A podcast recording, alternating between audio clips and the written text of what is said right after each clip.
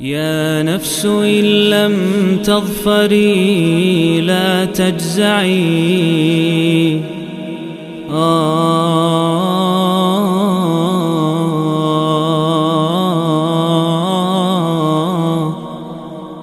بسم الله والحمد لله والصلاة والسلام على رسول الله وعلى آله وأصحابه ومن اتبع هداه. أما بعد Para hadirin kalian yang dirahmati Allah Ini adalah pertemuan ke-113 Dari serial 114 hari menyambut bulan Ramadan Dan tidak terasa memang bulan Ramadan sangat dekat sekali sekarang Semoga Allah subhanahu wa ta'ala memperkuat iman kita Memperkuat amal soleh kita memberikan kita keberkahan waktu, kesehatan agar bisa memaksimalkan agar bisa bertemu dan memaksimalkan bulan Ramadan. Surat Al-Falaq, surat yang akan kita kaji kali ini merupakan surat Makkiyah. Ya betul, ada yang berpendapat dia Madaniyah. Tapi yang lebih kuat dia Makkiyah, artinya para ulama sebutkan dia turun dua kali. Turun sekali di Mekah, kemudian turun sekali lagi di Madinah. Maka yang bilang dia Madaniyah tidak salah juga karena memang ada momen, ada riwayat turun saat Nabi di Madinah. Tetapi yang benar sudah pernah turun juga di Mekah sebagaimana riwayat lain menunjukkan hal tersebut dan ini ada pembahasan khususnya di ranah ulumul Quran yaitu surat-surat yang turun dua kali. Surat-surat yang turun dua kali atau lebih. Dan surat Al-Falaq turun setelah surat Al-Fil yaitu saat di Mekah dan sebelum surat An-Nas Surat Al-Falaq disebut dengan nama demikian, Al-Falaq diambil jelas dari ayat pertama surat ini. Qul a'udzu birabbil falaq. Ayat ini terdiri dari lima ayat dan ayat pertamanya mengandung kata Al-Falaq. Yang mana artinya Allah Subhanahu wa taala firmankan, "Katakan wahai Nabi, aku berlindung kepada Tuhannya Al-Falaq." Al-Falaq ini waktu subuh disebut subuh dengan nama Al-Falaq. Falaq secara makna istiqaqi dalam ilmu istiqaq seperti diterangkan oleh Al-Imam Ibnu Faris dalam Maqayisul Lughah maknanya sesuatu yang membelah membelah subuh disebut demikian karena dia seolah-olah cahaya fajar membelah kegelapan malam Al-Falaq Rabbil Falaq kita diajarkan di sini untuk berlindung pada Allah Subhanahu wa taala dari gangguan-gangguan eksternal, dari gangguan-gangguan eksternal.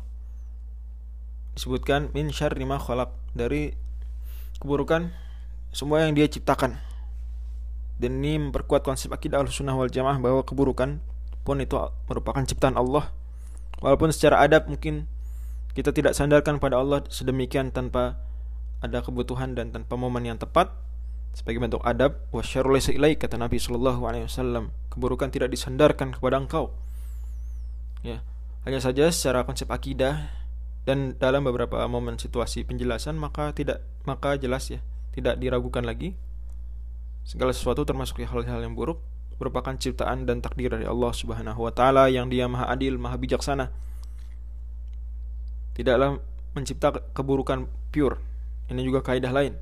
Tidak ada keburukan murni yang Allah ciptakan melainkan keburukan tersebut sebetulnya lebih banyak sisi baiknya. Hanya dipandang buruk secara relatif saja, secara nisbi oleh sebagian makhluk. Dan itu pun pada akhirnya bisa jadi kebaikan juga bagi dia. Masya Allah uh, min syari makhluk min syari ghasiqin idza waqab. Dan juga dari keburukan ghasiqin malam kalau sudah masuk menjadi semakin gelap atau mengumpulkan. Waqab maknanya mengumpulkan. Ini malam mengumpulkan makhluk-makhluk manusia saja kalau sudah malam masuk ke dalam rumah. Hewan-hewan juga demikian. Seperti malam ini seolah-olah mengumpulkan. Wa min syarrin nafathati fil dan juga dari keburukan perempuan-perempuan yang menghembus pada buhul-buhul yakni menyantet bahasa sederhananya. Melakukan proses uh, seperti santet, santet atau sejenisnya. Wa min syarri hasidin hasad dan juga dari keburukan orang yang dengki apabila dia dengki.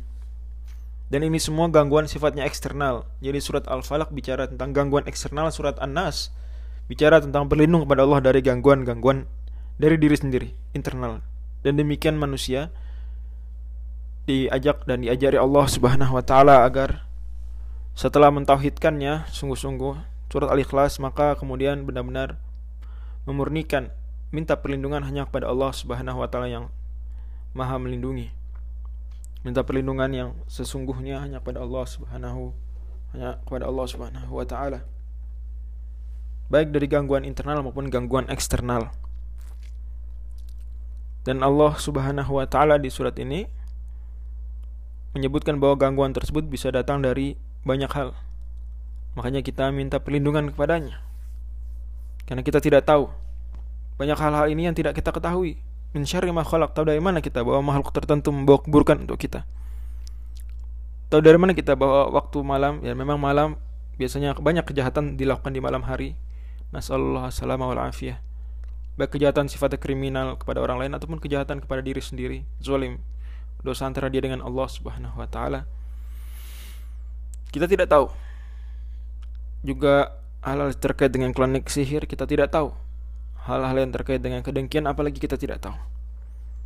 Maka kita minta perlindungan pada Allah Subhanahu wa taala selalu dan surat ini surat yang memang diperintahkan Nabi SAW untuk dibaca dalam banyak kesempatan.